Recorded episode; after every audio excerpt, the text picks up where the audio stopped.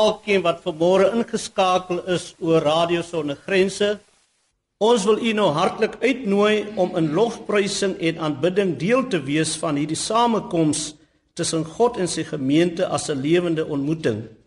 Die skriflesing vir ons prediking sal u vind in die Evangelie volgens Lukas, hoofstuk 2 vanaf vers 21 tot 32. Geliefdes in die Here, Ons voorsetting en ons volëinding vind plaas in die naam van God die Vader, die Seun en die Heilige Gees. Amen. Tot lof en eer van die Here nooi ons u nou om saam met ons te sing van Gesang 197. Gesang 197. Ons sing daarvan die eerste 3 verse. O, hat ek duisend tonge, Here, en duisend stemme om te prys en te verkondig. Gesang 197. Ons sing die eerste 3 verse hartlik saam.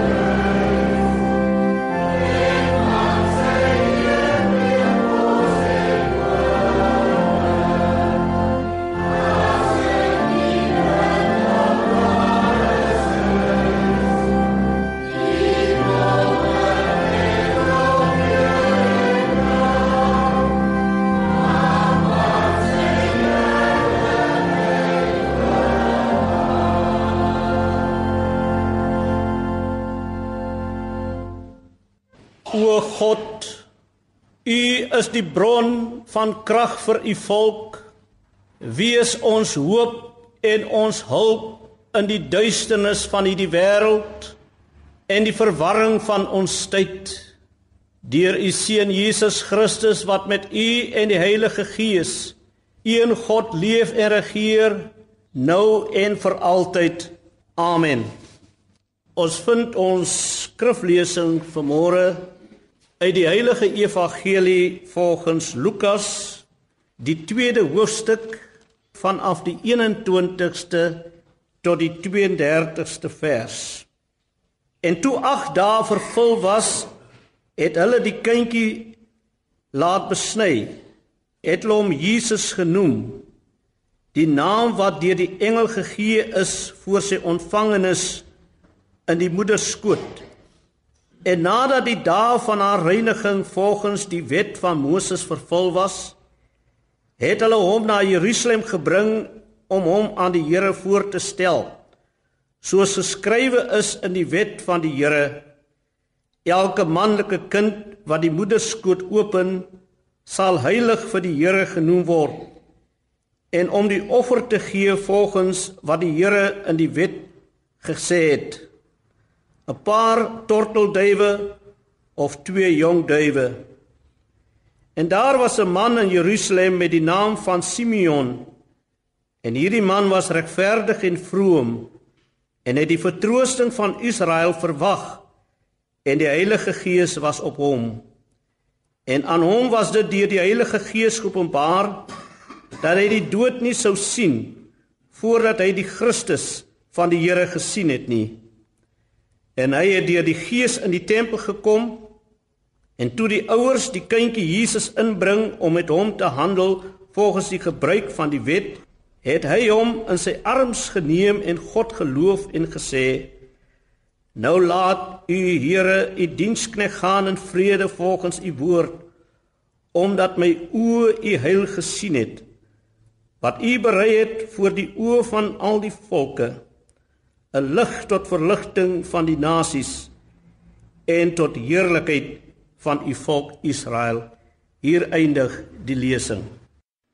Geliefdes in die Here en luisteraars, elke mens het voortdurend die een of ander vorm van verwagting. As 'n student of leerder klaar eksamen geskryf het, dan wag 'n mens vir die uitslaa. As 'n mens aansoek doen vir 'n werk, dan verwag jy 'n oproep of 'n SMS of jy die werk gaan kry of nie. As 'n vrou swanger is, dan verwag die ouer paar die geboorte van hulle kind. Verwagting, broeders en susters en luisteraars, skep spanning altyd in 'n mindere of 'n meerdere mate. Hoe gaan die uitslaa lyk? Gaan ek die werk kry? Sal alles goed afloop met die geboorte van die kind? Onder sekere omstandighede is die spanning amper ondraaglik. Ons kan nie wag nie. As 'n mens ondersoek word vir 'n ernstige siekte, wag jy in die hoogste spanning vir die uitslaa en die minute tik baie stadig as jy sit en wag. En as iemand op sterwe lê, dan verwag jy enige oomblik daardie oproep wat die doodstyding aankondig. In die evangelie van Lukas 2 lees ons ook van hierdie intense spanningsvolle afwagting. Maar ons lees nie net van die verwagting in Lukas 2 nie, maar dwars deur die Bybel lees ons van afwagting of verwagting. Vir Satan byvoorbeeld is die spanning ondraaglik want ook hy weet dat die saad van die vrou wat mens gaan word sy kop gaan vermorsel. Ons lees vervolgens ook van die gelowiges in Israel wat met verwagting uitsien na hul verlosser wat die ware vryheid, vrede en lewe is tot in die onmeetlike ewigheid.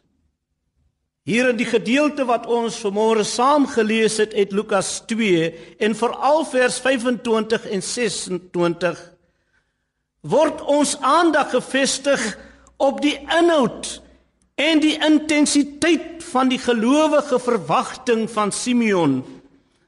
Daar word van die koms van die verlosser melding gemaak in verskillende boeke van die Ou Testament. In Genesis lees ons van die sogenaamde moederbelofte. En daar lees ons van die saad van Eva wat Satan sal verpletter. In Jesaja lees ons van die maagd wat sal swanger word en 'n seun baar en hom Immanuel noem. Micha praat van Bethlehem Efrata, klein om te wees onder die geslag van Juda, maar uit jou sal daar vir my uitgaan een wat 'n heerser sal wees vir Israel. Die profete praat ook oor die koms van Christus. En as die volk in die tempel kom, dan sien hulle dit wat hulle van die profete gehoor het. Die hele tempeldiens wys op die koms van Christus. Al daardie offers wat gebring word, wys na die groot offer die Jesus wat gekruisig sou word. Die laaste profeet van die Ou Testament, Maleagi, vermaan die volk, maar hy bemoedig ook die volk Israel om wel bewus te wees van die koms van die Messias en om die Messias in te wag. En eers kom sy wegbereiders sê Maleagi en dan kom hy. En toe na Maleagi toe is dit stil. 400 jaar lank was dit stil. En dis 'n baie lang tyd broers en susters om vir 400 jaar te wag.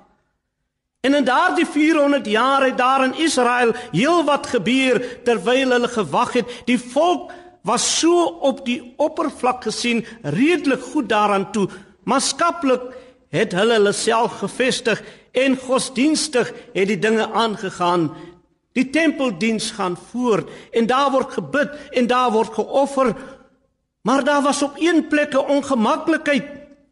Die Romeine regeer in Jerusalem. Die volk is nie onafhanklik nie. En dis wat 'n mens op die oppervlak sien gedurende daardie 400 jaar. Maar as jy dieper kyk, dan sien jy iets anders. Daar word geoffer, daar word gebid, sekere leefreëls word stiptelik onderhou. Die Fariseërs dwing die volk om by die wet van Moses te bly en meer as dit.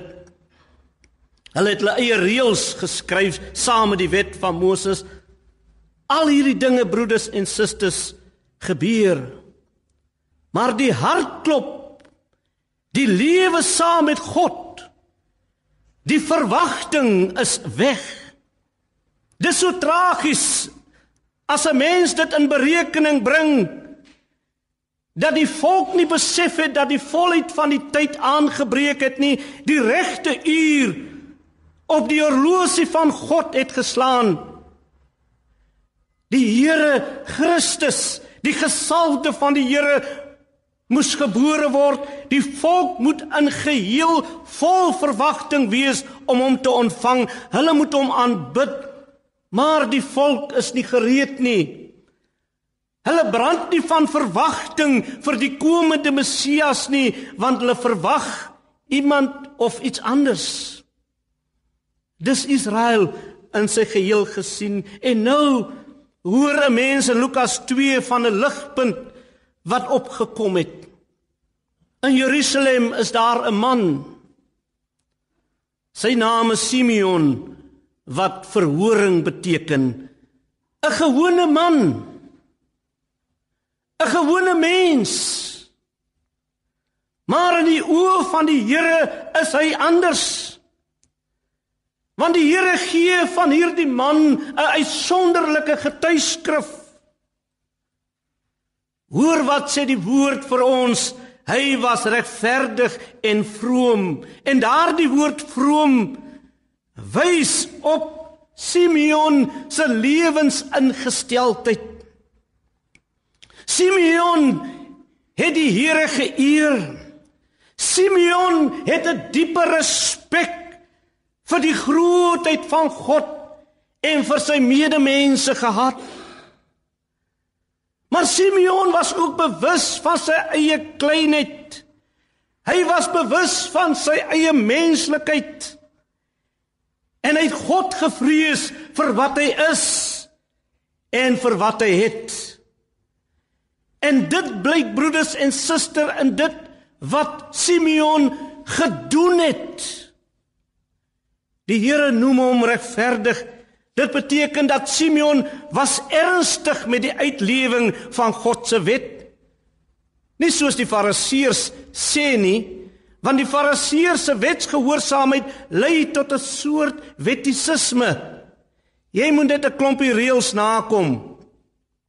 Maar Simeon, Simeon is dankbaar vir alles wat die Here in sy lewe gedoen het En Simeon bind homself aan die wet van die Here omdat die wet op sy hart geskryf is. Hy dien God omdat hy God van harte liefhet.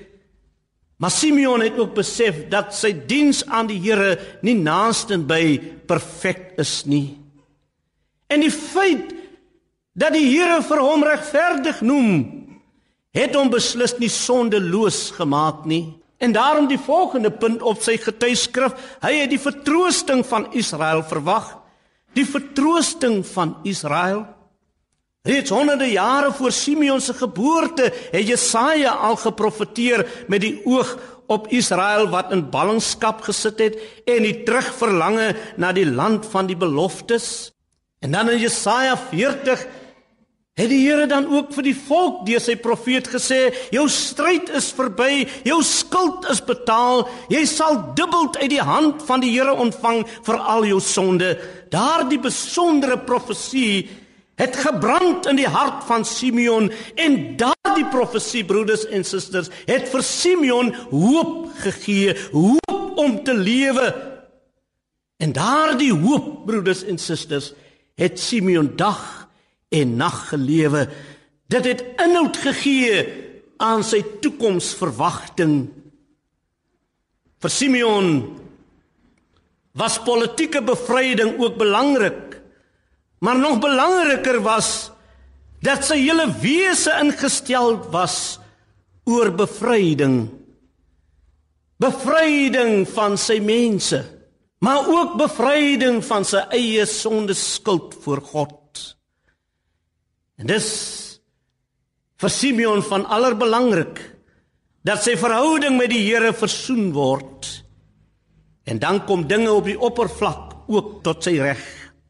Simeon omhels die ware vryheid en nie skynvryheid nie. Simeon weet dit. Hy weet dat sy vryheid hy weet dat sy vrede Hy weet dat dit nie uit homself uitkom nie. Luister dan nou na die laaste punt op sy getuieskrif. Nou lees ons, liewe broeders en susters, liewe luisteraars, dat Simeon was vol van die Heilige Gees en dat hy gelewe het uit die krag van die Heilige Gees. Sy verwagting was deur die Heilige Gees, sy lewensroeping. Sy bede was dat sy volk versoen sou word met God. Dat sy volk onderling met mekaar ook versoen sal word. Dat sy volk nie verdeel sal word op grond van klas of ras nie. Maar dat daar ernstige soeke sal wees na versoening met mekaar. En op grond daarvan gaan die lewe wat ons lewe broeders en susters maar ook wat vir Simeon en sy volk geleef het op grond daarvan gaan die lewe vir hom vir u en my nie onderkry nie. Want dit wat seer is dit wat stikkend is in u en in my dit wat uitsigloos is dit sal weer regkom dis wat Simeon verwag het Kan ons vanmôre vir mekaar vra wat verwag ons? Wat verwag ons in 2014? Wat verwag ons van onsself? Wat verwag ons van ons huwelike? Ons verhoudings, ons gesinne? Wat verwag ons vir ons land? Watter ideale koester ons? Waarna streef ons? Wat wil ons hê broeders en susters, liewe luisteraars? Wat wil ons hê moet gebeur? Wat beplan ons vir die toekoms? Waarheen mik ons? Waaroor gaan dit vir u en my oor die kort en lang termyn? Dis baie vrae. En dis vrae wat direk met ons praat. Maar elke mens het sy verwagting. U en ek het dit ook. Die vraag is wat dryf hierdie verwagting? Ons verwagtinge, broeders en susters, liewe luisteraars, moet nie net slegs om onsself draai nie. Bovendien verwagtinge wat deur die mens gedryf word, is baie egoïsties, mensgerig. Ek stry my stryd, alles dit ten koste van ander. Maar ek het my ideale en ek sal sorg dat my ideale verwesing word solank ek maar net het lekker leef dan het ek nie 'n saak met die res nie. Dis menslike verwagtinge. Hoe anders is die verwagting van die mens wat deur die Heilige Gees gedryf word?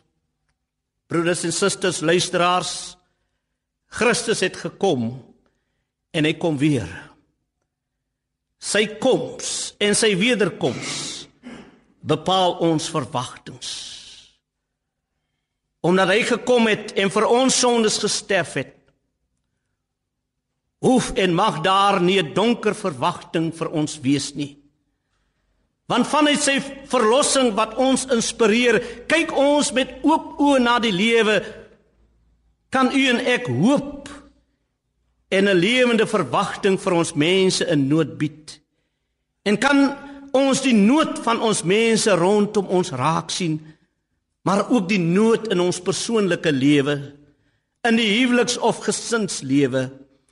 in die kerklike lewe, in die politieke lewe. U sien al die vrae. En dalk is daar nog baie meer vrae wat ander mense sien. En met die oog op die wederkoms van Christus sal u en ek doelgerig en geesgevulde ideale moet bly koester en voortgaan om ons roeping uit te lewe ook in moeilike tye. Daaroor gaan dit oor Christus en sy wederkoms. Simeon was 'n uitsonderlike man omdat sy oog reg ingestel was. Hy kon die vertroosting van Israel verwag omdat die Heilige Gees in hom was.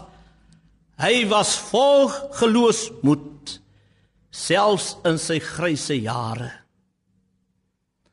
Broeders en susters, luisteraars, u en ek word vanmôre opgeroep om met ons verwagtinge op die Heilige Gees te vertrou. Al lyk u en my omstandighede hoe donker. Na 4 eeue van 'n bykans hopelose situasie is die stilte gebreek en sien Simeon met sy eie oë die verlosser sien hy die Messias. Hy sien die tyd van vertroosting.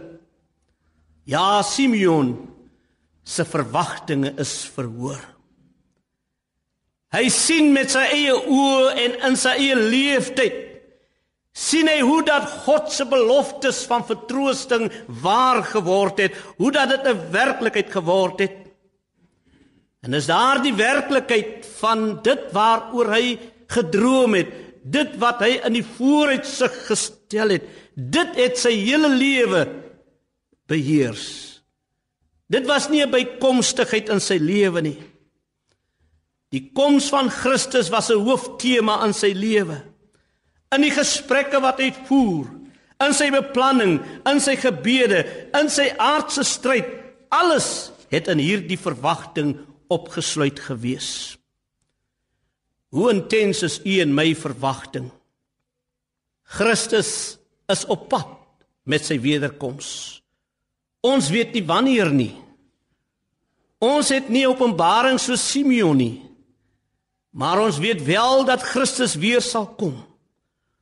Ons weet dat hy soos 'n dief in die nag sal kom op 'n tyd dat ons dit nie verwag nie. En met die oog daarop plaas die Heilige Gees op ons die spanning sodat ook ons deur die Gees die slotgebed van die Bybel kan bid kom Here Jesus kom gou. Maar bid ons nog daardie gebed? Leef ons nog daardie gebed? Word ons lewens nog beheers deur die feit van die wederkoms van Christus op die wolke van die hemel? Martin Luther het gesê dat ons moet leef asof Christus in die oggend gebore is.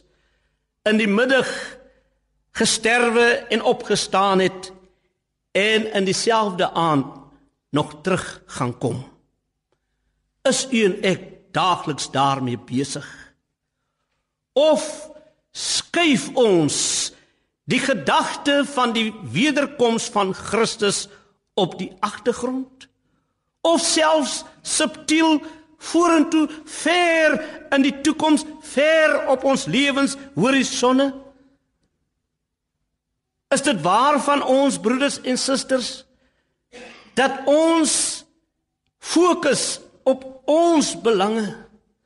Eers my werk, eers my familie, eers my sports, eers my studie uitslaa, eers my projek, dan sal ek my lewe wy aan Christus en sy kerk. Eers my saak, dan Christus se saak.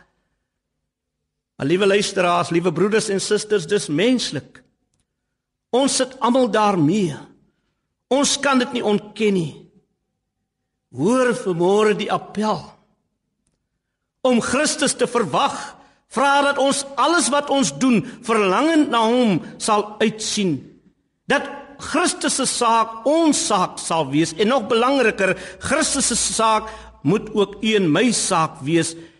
U werk wees, u tuiswerk, u studies, u familie, u sport, ja alles broeders en susters van ons moet deur Christus se heerskappy beheer word. Christus gaan kom. Die uiteinde gaan kom. Dis ons lewende verwagting. En Christus se koms is besig om te gebeur. Ons hoor die dawerende voetstappe van Christus se wederkoms. Ons word vanmôre gevra om gelowig te wag op Christus se koms met 'n Godvreesende lewenswandel. Amen. En die vrede van God wat alle verstand te bowe gaan, sal die harte en sinne bewaar in Christus Jesus. Amen. Kom ons bid saam. Here, baie dankie vir u woord. Baie dankie dat ons weet dat u woord nooit ledig na u toe sal terugkeer nie. Daarom sien ons ook uit vanmôre met verwagting van u weerkoms op die wolke van die hemel. Maak u onsself gereed deur u woord en sakramente om Christus wil. Ons sing ten slotte Gesang 343 Gesang 343 Wag op God die Here wag en wees sterk.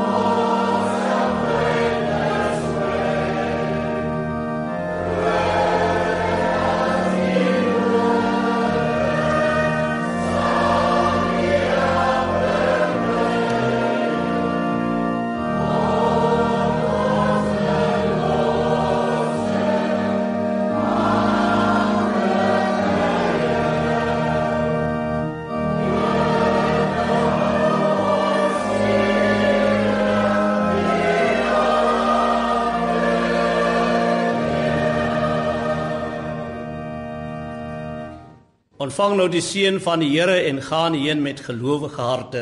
Die Here seën u en behoed u. Die Here laat sy aangesig oor u skyn en wees u genadig. Die Here verhef sy aangesig oor u en gee aan u vrede in die naam van God die Vader, die Seun en die Heilige Gees. Amen.